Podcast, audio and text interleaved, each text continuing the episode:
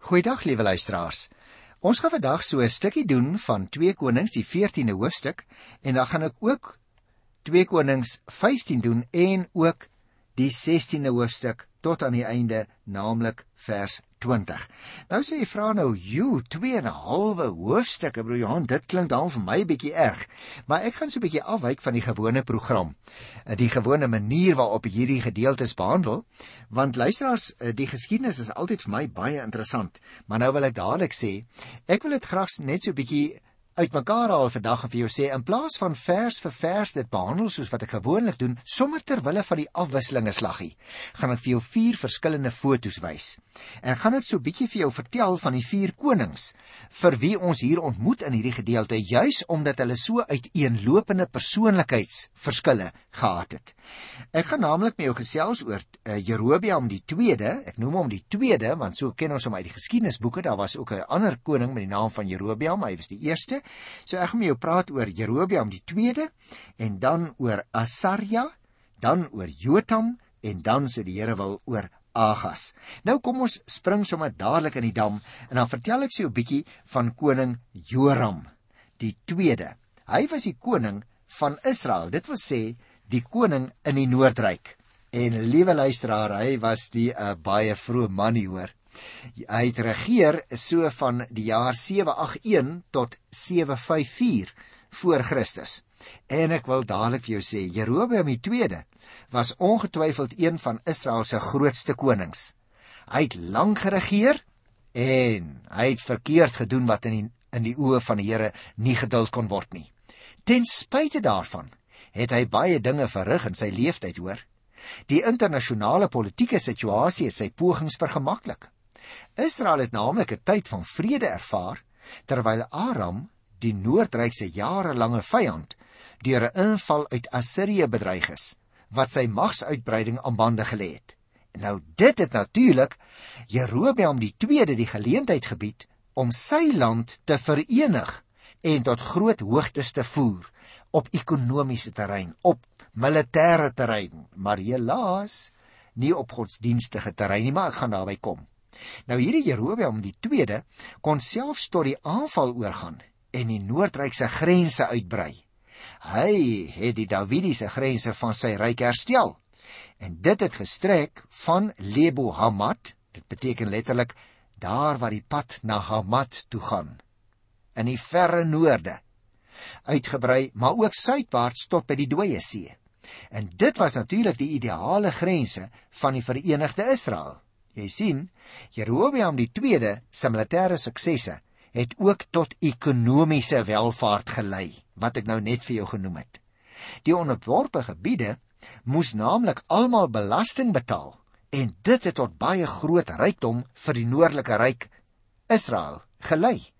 Ongelukkig het net die boonste laag van die bevolking daarin gedeel en die kloof tussen ryk en arm het al hoe groter geword sosiale misstande het vererger. Veral Amos sal jy onthou was die profeet wat hom teen hierdie sosiale misstande gerig het. Ons gaan nog al hierdie profete behandel met mekaar so die Here wil. Jerobeam die tweede se sukses moet nie net aan sy bekwame leiding toegeskryf word nie luisteraars. Die skrywer van die Bybel in hierdie gedeelte beklemtoon dat dit die wil van die Here was op daardie stadium vir die Noordryk alles wat in ooreenstemming met die woord van die profeet Jona wat gekom het uit Gat Gefer in die omgewing van Nasaret.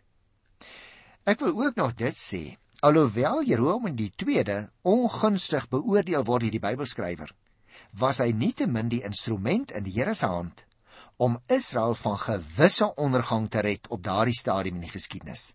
Dit was ook vir die skrywer 'n sigbare teken dat die Here nie die naam van Israel onder die hemel sou uitwis nie. Jy sien die slotformule wat 'n mens kry hier in die 14de hoofstuk by vers 28 plaas eintlik vir ons voor ernstige probleme want daar lees ons van Damaskus en Hamat het altyd onafhanklik bestaan en het dus nooit voorheen onder die gesag van Israel gestaan nie. Jerobeam die 2de kon dit ook nie herwin nie. Israel het slegs 'n handelsbuurt in Damaskus gehad. So lees ons in 1 Konings 20 by vers 34. Daarom sou ek wou sê Damaskus en Hamat verwys waarskynlik hier na ander plekke met dieselfde name. As 'n mens byvoorbeeld sou kyk in die boekie Amos by die 7de hoofstuk by vers 11, dan sou jy kon sê volgens daardie uitsprake sou Jerobeam deur die swaard sterf en Israel sou in ballingskap weggevoer word. Jerobeam sterf egter uiteindelik aan natuurlike oorsake. En Samaria val eers 32 jaar na Jerobeam se dood. Nou, wat sê ons daarvan? Waarskynlik luisteraars moes Amos se woord ruim geïnterpreteer word. Hy het dit teen die huis van Jerobeam gemik. Nie net teen Jerobeam as persoon nie, maar ook teen sy opvolgers. Want Sagaria, die seun van Jerobeam, het deur die swaard geval. En in daardie sin is Amos se uitspraak dus 100% korrek. 'n Mens moet oppas en versigtig wees om al ewig teenstrydighede in die Bybel te wil raak sien. As jy eng na hierdie uitspraak kyk, sou ons 'n teenstryde teenstrydigheid hê. As ons dit egter in ruimer sin, naamlik bedoelend die gesin en die nageslag van Jerobeam, dan is dit heeltemal 100% in orde. Ek wil ook dadelik daarby sê die ondergang van die Noordryk luisteraars was ook die vervulling van Amos se woord. Amos was reg daarin. Jerobeam se roemryke regering illustreer weer eens die skrywer van die Bybelse bedoeling. Weinig gegevens aangaande hierdie groot leier en regering word eintlik vir ons verstrek van die skrywer van die kronistiese geskiedwerk stel slegs daarin belang of hy die Here gedien het of nie. Daarom kry ons 'n negatiewe beoordeling van Jerobeam die tweede in die Bybel omdat hy nie die Here gedien het nie. Nou luisteraars, ek het gesê hy's die eerste ou, die tweede koning wat hier vermeld word in ons gedeelte vir vandag is natuurlik Asarja. En hy was net so 'n interessante man. Ek wil graag vir jou van hom vertel want hy was ewe belangrik nie net interessant nie. En Asaria het nie in die noordryk regeer soos Jerobeam nie, maar hy het regeer in die suidryk, Juda. Die datum van sy regering word vasgestel op so die jaar 766 tot 740 voor Christus. En nou is dit hier dadelik baie belangrik om as agtergrond te let op die opkoms van die Assiriese ryk want luisteraars die Assiriërs was die groot bedreiging daar in die 8ste eeu voor Christus. Tot op hierdie stadium was Aram Israel se belangrikste vyand. Die Assiriërs het nou egter op die toneel verskyn en die situasie verander skielik dramaties. Assirië het die lande aan die ander kant die Eufraat begeer, juis vanweë hulle waardevolle woude en die minerale hulpbronne en omdat hulle toegang verleen het tot Egipte en natuurlik tot die handel rondom die Middellandse See. En daarom het die Assiriese leer meer as 'n eeu lank gereeld aanvalle op die weste gemaak. Tot nog toe was Assirië egter te wankelbaar en te ernstig deur vyande bedreig om sy eie oorwinnings te probeer konsolideer met die gevolg dat sy geskiedenis uit 'n reeks aanvalle en terugvalle bestaan het. Tydens een van die terugvalle het Israel sy laaste blaaskans gekry. Assirië se koms sou egter op die lange duur oorwinning en besetting en oorheersing van Israel beteken. In hierdie tydvak in die geskiedenis van Assirië is ingelei deur die eintlike stigter van die Assiriese ryk met die naam Tiglat-Pileser III. Dis nakies, miskien sal jy belangstel om te weet. Hierdie Tiglat-Pileser III het regeer tussen 743 en 726 voor Christus. En hy, Tiglat-Pileser III, was 'n besonder kragtige en 'n bekwame heerser. Met sy wederregtelike troonsbestuiging moes hy onmiddellike stappe doen om weer eens die heerskappy van Assirië oor Babilonie in die suide en ook oor die ryk van Urartu in die noorde uit te brei. En hierdeur wou hy geleenthede vir magsuitbreiding na die weste toe probeer skep. Deur sy ferm optrede is hierdie doelwitte almal bereik. Babilonie is byvoorbeeld onderwerp en Tiglat-Pileser het so die derde het sodoende self teen die einde van sy bewind in 729 voor Christus onder die naam Pul oor die Babiloniërs geheers. Urartu het geen verdere bedreiging vir Assirië ingehou nie. verdere veldtogte die magte van Assirië tot aan die Kaspiese See uitgebrei. Nou lank voordat hy hiermee klaar was, het Tiglat-Pileser hom reeds begin toelê op die onderwerping van die weste. En gedurende die jaar 743 voor Christus en die daaropvolgende jare het Aram herhaaldelik binnegeval geraak deur die Assiriërs. Die veldtogte van Tiglat-Pileser het verskil van die van sy voorgangers deurdat hulle nie bloot daarop gerig was om tribuut te versamel nie, maar hulle was ongelukkig permanente oorwinnings. Ten einde die permanensie te verseker, het Tiglat-Pileser 'n beleid begin volg wat nog nooit voorheen so konsekwent toegepas is nie. Onderworpe lande wat in opstand gekom het, sou nie meer met die betaal van belastings die wrede wraakoefening kon vryspring nie. In plaas daarvan het Tiglat-Pileser nou die oortreders weggevoer en hulle gebiede in provinsies van die Assiriese ryk gemaak. En sodoende is alle patriotiese gevoelens wat weerstand kon aanmoedig eenvoudig onderdruk. Daarom moet ons verstaan, liewe luisteraar, dat hierdie opkoms van die Noordryk ook vir Amasia geweldige gevolge gehad het. Die derde persoon na wie ek graag so bietjie wil kyk vandag, en dit is ook net so interessante een, is Jotam. En luisteraars, Jotam, van hom lees ons hier in 2 Konings die 15de hoofstuk van die 32ste vers af. Ek gaan nie al die konings wat in die 2 en 'n halwe hoofstukke behandel word, uh, bespreek nie. Ek ek uh, haal net maar van hierdie uit wat vir ons miskien die mees bekende is. En dan wil ek graag vir jou van hulle mos nou vertel. Nou ja, as ons oor Jotam gesels, liewe luisteraar, wil ek dadelik sê hy was die seun van koning Usia. En jy sal hom onthou, ek het al vir jou vertel van Usia. Hy was 'n wonderlike toegewyde man wat die Here gedien het. Nou hierdie seun van hom, naamlik Jotam, was 25 jaar oud toe hy koning geword het. En die Bybel vertel vir ons, hy het 16 jaar in Jerusalem geregeer. Nou wil ek dadelik sê ons sal die tydperk van sy regeerskap tydens die melaatsheid van sy vader as deel van hierdie 16 jaar moet reken. Want jy sal onthou dat sy pa koning Usia aan melaatsheid gelei het teen die einde van sy lewe. Jotam het gedoen wat reg was in die oë van die Here, net soos sy vader Esia gedoen het. Hy het homself geen priesterlike regte aangematig nie. Gaan kyk maar weer daar wat het gebeur in 2 Kronieke 27 vers 2. Dat dit duidelik gesê is en ons moet ook onthou, die volk het ongelukkig nog in sy tyd is hulle toegelaat om op die hoogtes te offer.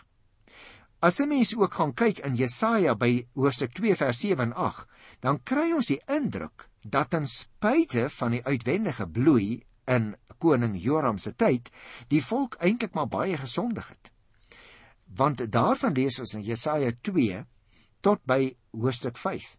Jotam het die boonste poort van die tempel gebou.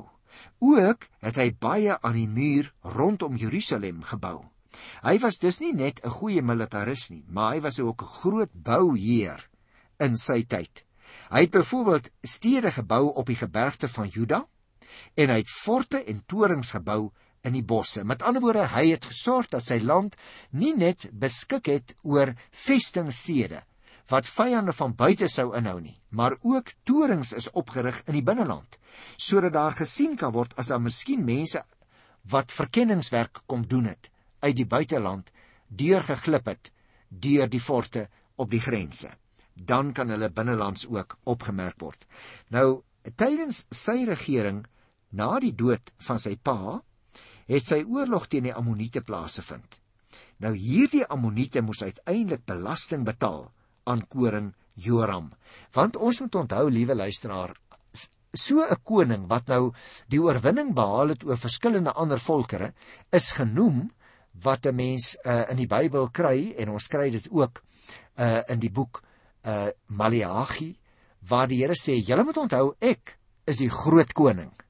Nou daardie woordjie groot koning moet in sulke gevalle gespel word as een woord.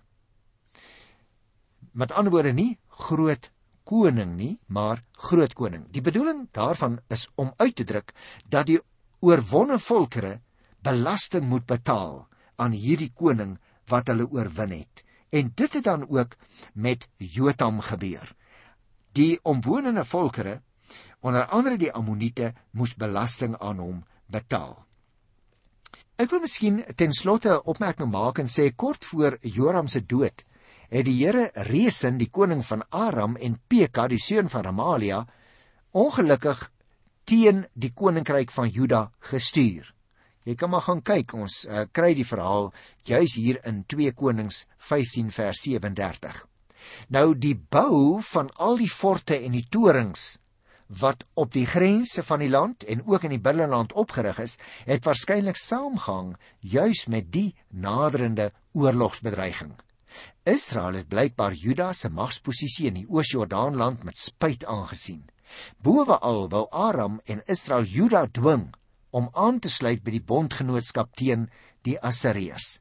Nou so sien 'n mens, liewe luisteraars, dat ook hierdie konings soms nie net suksesvol was en deur die Here gebruik is nie, maar dat hulle ook ander volkere onderwerp het en met inset van alle kragte hulle uitgehou het uit die grondgebied van uh hulle eie land soos in hierdie geval van Juda. Joram het eenvoudig alles in die werk gestel om die vyand buitekant die land te hou.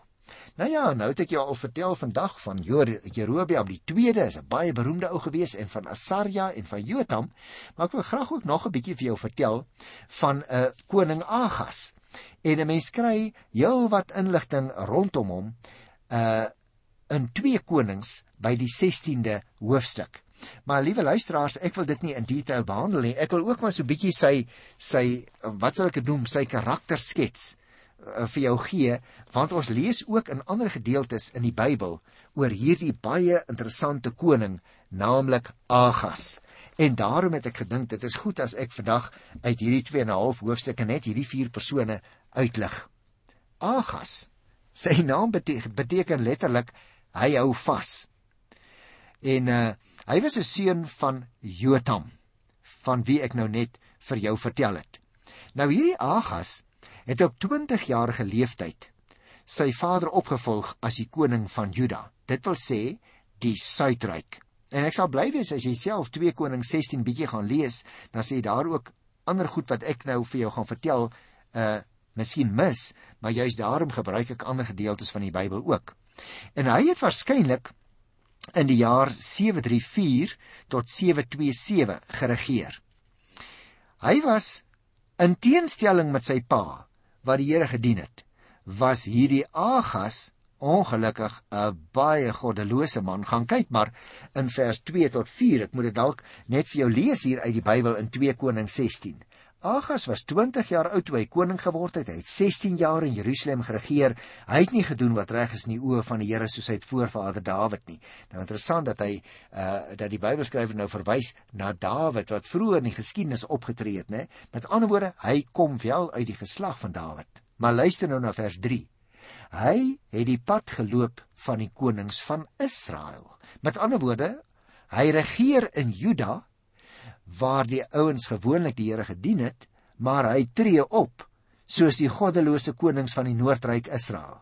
Hier staan, hy het selfs sy seun verbrand volgens die afskuwelike gebruike van die heidene nasies waardeur die Here voor die Israeliete uit verdryf is. Met ander woorde, hy was volgens die maatstaf van die kroniek en die koningsskrywer was hy 'n goddelose man.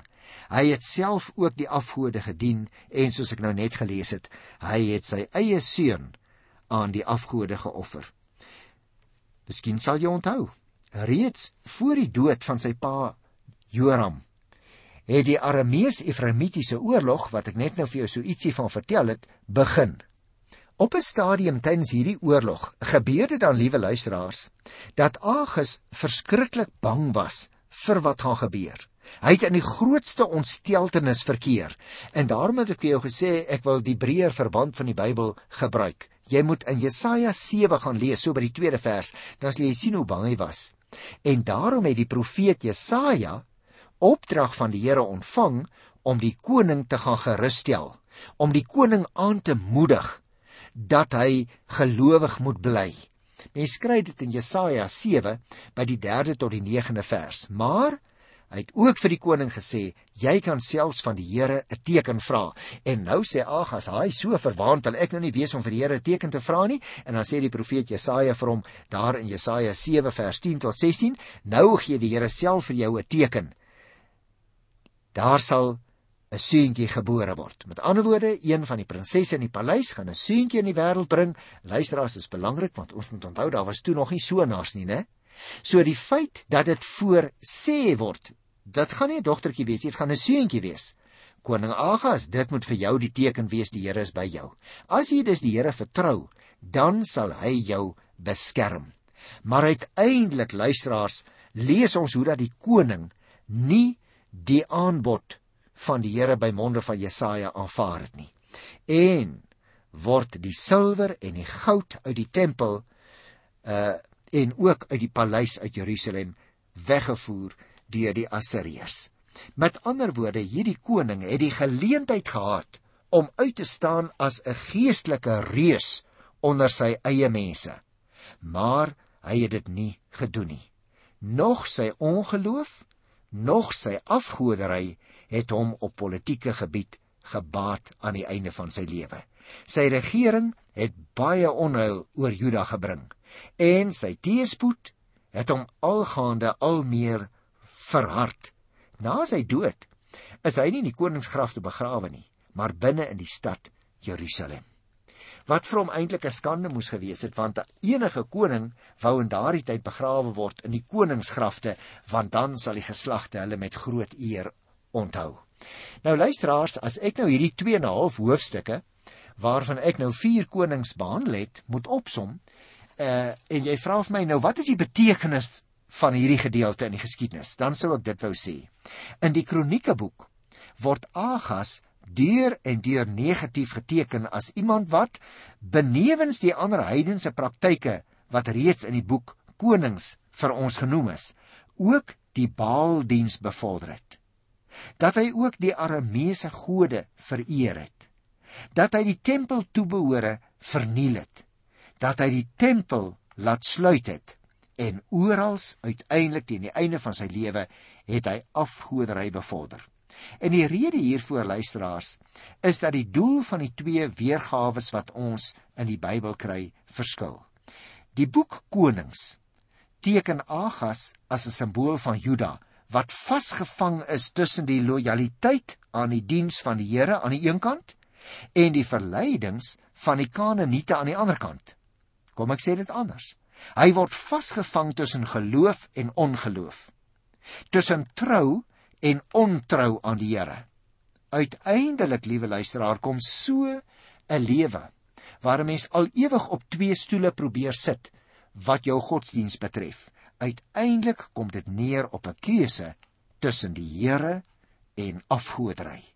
Dis 'n keuse tussen lewe en dood. Dit word 'n keuse situasie wat jy en ek elke dag in ons lewe moet doen. En daarom is juis die vertellings in die boek Konings bedoel om die gelowiges van alle tye aan te moedig om ontrouheid te vermy en die Here te kies. En ek dink as 'n mens nou kyk na hierdie vier konings van wie ek jou vandag so bietjie in detail vertel het, dan sal jy saamstem veral in die geval van koning Agas. Hierdie man het soveel geleenthede van die Here ontvang, maar hy bly godsdienstig op twee stoele sit.